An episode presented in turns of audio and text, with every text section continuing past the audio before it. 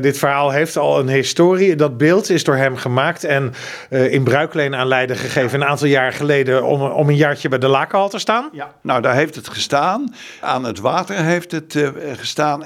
Eigenlijk uh, heb ik begrepen, vond iedereen dat prachtig en was het heel vertrouwd.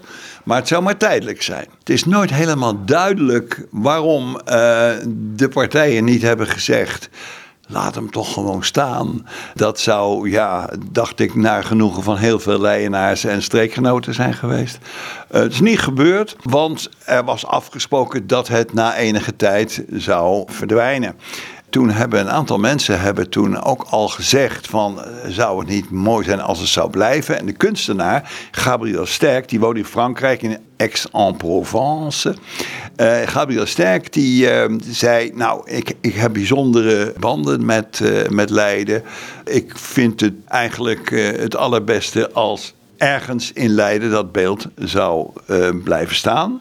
Dus de kunstenaar die wil eraan meewerken. Ja, en de kunstenaar die heeft uh, ook gezegd van, maar dan, dan bied ik het ook Leiden aan. Dus ze kunnen het gratis krijgen. Ik heb begrepen dat er alleen al voor 10.000 euro zo'n brons uh, aan zit. Wij zijn toen met een aantal mensen, uh, zijn wij toen eigenlijk niet akkoord gegaan. Toen de gemeente zei, wij kunnen in Leiden geen plek vinden. Ik weet in ieder geval van één plek waar Van Leiden zei, daar zou die kunnen staan. Daarvan zei de kunstenaar: nee, dat kan niet, want ik wil graag. Hij had, had één voor, voorwaarde, namelijk dat het beeld met het gezicht. Uh, in de zon zou, uh, zou komen te staan. En dat was op die plek was dat heel moeilijk. Want of hij stond in de zon en dan kon je alleen maar zijn rug zien als je er langs liep. Of hij stond niet in de zon. Nou, toen was het afgelopen. Want de gemeente zei, ja, ja, ja, op een andere plek waar ze het ook over hebben gehad, dat is te duur. Nou, toen vonden een aantal mensen in, in de Leidse regio, zal ik dan maar zeggen, dit te gek voor woorden. En toen hebben wij de burgercommissie Rembrandt Komt opgericht. Eh, met de gebruikelijke usual suspects als Tjeerd Scheffer, Rens Herenwer, uh, Dea Brak. Uh, nou, en jijzelf?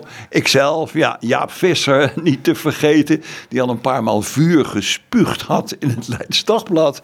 Omdat het allemaal maar niet doorging. En wij zijn, en Walter Schader natuurlijk, want je kan in Leiden eigenlijk helemaal niks beginnen zonder Walter Schader. Hij van Woerden, de oud-kabinetchef. Met die uh, mensen hebben wij gezegd, nou, er moet een plek te vinden zijn. En we hebben een plek gevonden, eigenlijk niet zo ver van de oorspronkelijke plek waar men aan dacht. Dat is aan de uiterste zuidpunt van het park De Put, molen De Put. Tegenover de Rembrandtbrug, tegenover de Weddesteeg, tegenover het huis waar Rembrandt geboren is mooiere plek is er eigenlijk niet. En hij, hij, kijkt eigenlijk straks naar de plek waar zijn geboortehuis stond. Ja, en het is weliswaar niet de jonge Rembrandt, eh, dus het is een volwassen Rembrandt.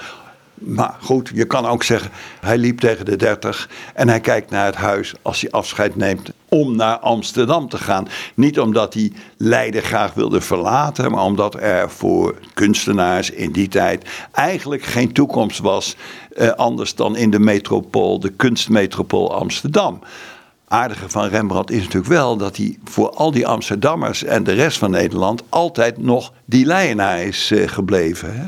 Ja, jij zei we hebben met dat eh, burgerinitiatief een plek gevonden. Ja. Maar komt hij daar ook echt? Nou, wij hebben uh, vorige maand hebben we zeer verheugend nieuws gekregen van de, van de gemeente. De door ons uh, uh, voorgestelde plek is door de stadsarchitect bekeken. En die heeft uh, van twee alternatieven uh, er één uh, uitgekozen, ook op ons verzoek, omdat dat ook op de meest veilige plek was. En de medewerkster van de wethouder cultuur, die heeft ons een scenario gegeven, een, een soort plan van dan en dan en dan en dan en dan en dan. En het mooie is dat er zelfs een tijdschemaatje in zit, waardoor we hopen dat het beeld geplaatst kan worden nog voor de Rembrandtdagen. Dat is de halverwege juli. En uh, dan gaat het ook gepaard met een heel groot aantal activiteiten rondom die plek in de Oude Haven bij de stad Stimmerwerf. Ja. En uh, nou ja, dat uh, mooiere combinatie is er eigenlijk niet.